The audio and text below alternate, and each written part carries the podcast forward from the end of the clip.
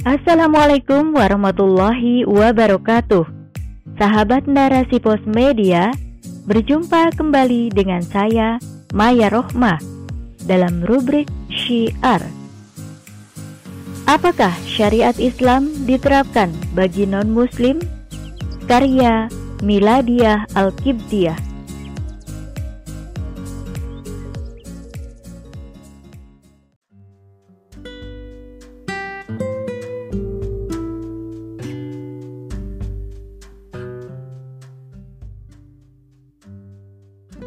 Allah Subhanahu wa taala berfirman dalam surah Al-Anbiya ayat 107 yang artinya Dan tiadalah kami mengutus kamu Muhammad melainkan untuk rahmat bagi semesta alam. Juga firman-Nya dalam surah Saba ayat 28 yang artinya Dan kami tidak mengutus kamu Muhammad melainkan kepada umat manusia seluruhnya sebagai pembawa berita gembira dan sebagai pemberi peringatan, tetapi kebanyakan manusia tiada mengetahui. Ayat-ayat di atas menjelaskan secara gamblang bahwa Rasulullah Shallallahu Alaihi Wasallam diutus bagi seluruh umat manusia, termasuk non-Muslim.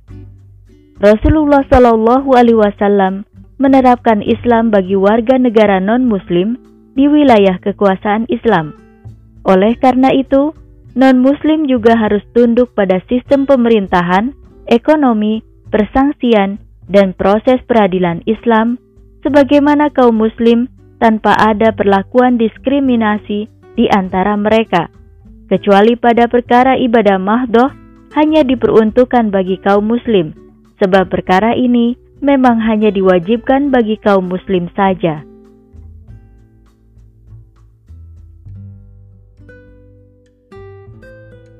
Islam memiliki dua dimensi di dalam kehidupan. Pertama, dimensi spiritual, yang berarti Islam mengatur aktivitas ibadah umat Muslim, meliputi sholat, membaca kitab suci Al-Quran, berpuasa, zakat, sedekah, infak, umroh, dan haji. Kedua, dimensi politik, yang berarti Islam mengatur urusan politik, ekonomi, sosial budaya, sistem sanksi, dan pemerintahan. Dengan demikian, Islam mampu menjadi rahmat bagi seluruh alam karena memiliki hukum-hukum yang mengatur seluruh aspek kehidupan manusia. Dalam sistem politik Islam, negara adalah pihak yang mengendalikan dan mengatur urusan umat. Negara berfungsi sebagai pelayan yang melayani, menyediakan, serta memenuhi hajat dan kemaslahatan umat secara keseluruhan. Selain itu, negara berfungsi menjauhkan umat dari segala macam mudorot yang menimbulkan mafsadah atau kerusakan di tengah-tengah masyarakat. Dalam sistem ekonomi Islam, negara memiliki tiga dimensi kepemilikan, yakni kepemilikan umum, kepemilikan negara, dan kepemilikan individu. Semua yang menjadi hajat hidup orang banyak seperti fasilitas umum, hasil bumi, hutan, laut, pertambangan, infrastruktur, dan lain-lain dijadikan sebagai milik umum. Dalam hal ini adalah umat Muslim maupun non-Muslim yang berada dalam wilayah kekuasaan Islam. Negara memiliki otoritas mengelola dan mengembalikan hasilnya untuk kesejahteraan umat.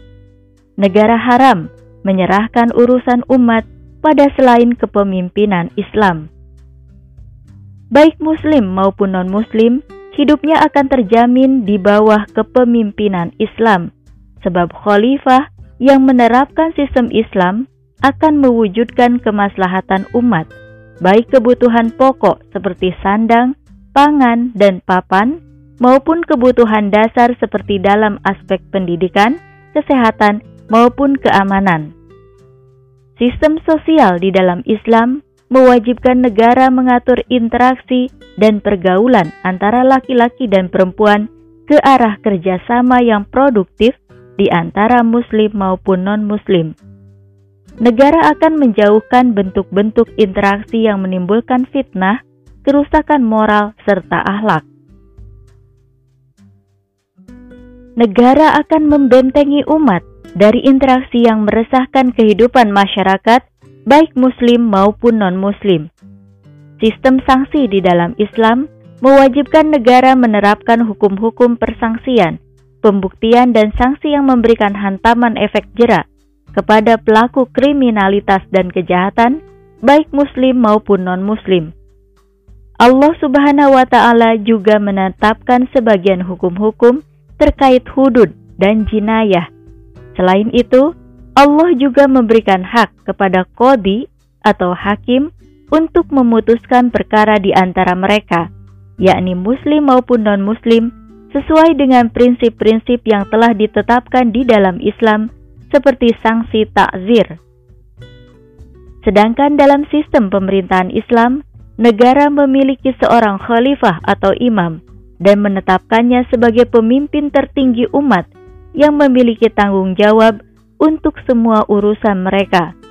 Negara menetapkan serangkaian hukum tentang pengangkatan khalifah, tugas dan tanggung jawabnya, serta mekanisme koreksi penguasa atau khalifah dan pengawasannya. Khalifah wajib menjadikan urusan umat dalam prioritas aktivitasnya. Urusan umat selalu menjadi pertimbangan utama dalam menetapkan kebijakan tidak pernah terbersit di dalam benak khalifah untuk merugikan bahkan memalak umat demi kekuasaan. Khalifah tahu betul bentuk pertanggungjawaban kepemimpinan di hadapan Allah yang Maha Kuasa di hari akhir. Begitu juga dengan sistem peradilan Islam, pembuatan aturan perundang-undangan, dan struktur pemerintahan berdasarkan pada hukum syariat Islam tanpa pandang bulu pilih kasih di antara Muslim dan non-Muslim. Semua berhak mendapatkan perlakuan yang sama tanpa diskriminasi selama berada dalam wilayah kekuasaan Islam. Dengan pengaturan yang menyeluruh, yakni penerapan syariat Islam secara kafah di dalam sebuah peradaban, maka Islam membuka peluang bahkan menjamin terwujudnya kesejahteraan umat di seluruh penjuru dunia bagi Muslim maupun non-Muslim.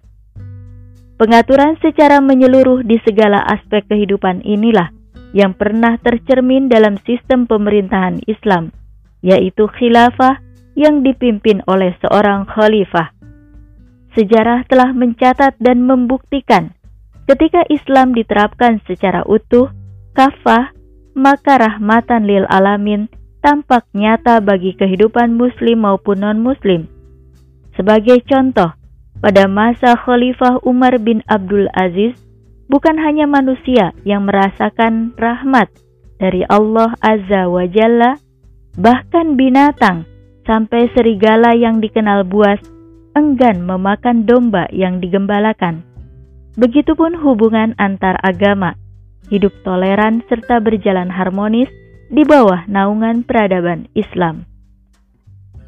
Apakah syariat Islam juga diterapkan bagi non-Muslim? Maka jawabannya adalah benar, sebab merujuk pada firman Allah Subhanahu wa Ta'ala bahwa Islam adalah rahmatan lil alamin, yakni rahmat bagi seluruh semesta alam. Rahmat bagi seluruh alam ini hanya akan terwujud dalam institusi khilafah. Dalam hal ini, negara khilafah akan mewujudkan kemaslahatan dan mencegah timbulnya mafsadah atau kerusakan di tengah-tengah kehidupan umat, baik muslim maupun non-muslim. Wallahu a'lam bishawab.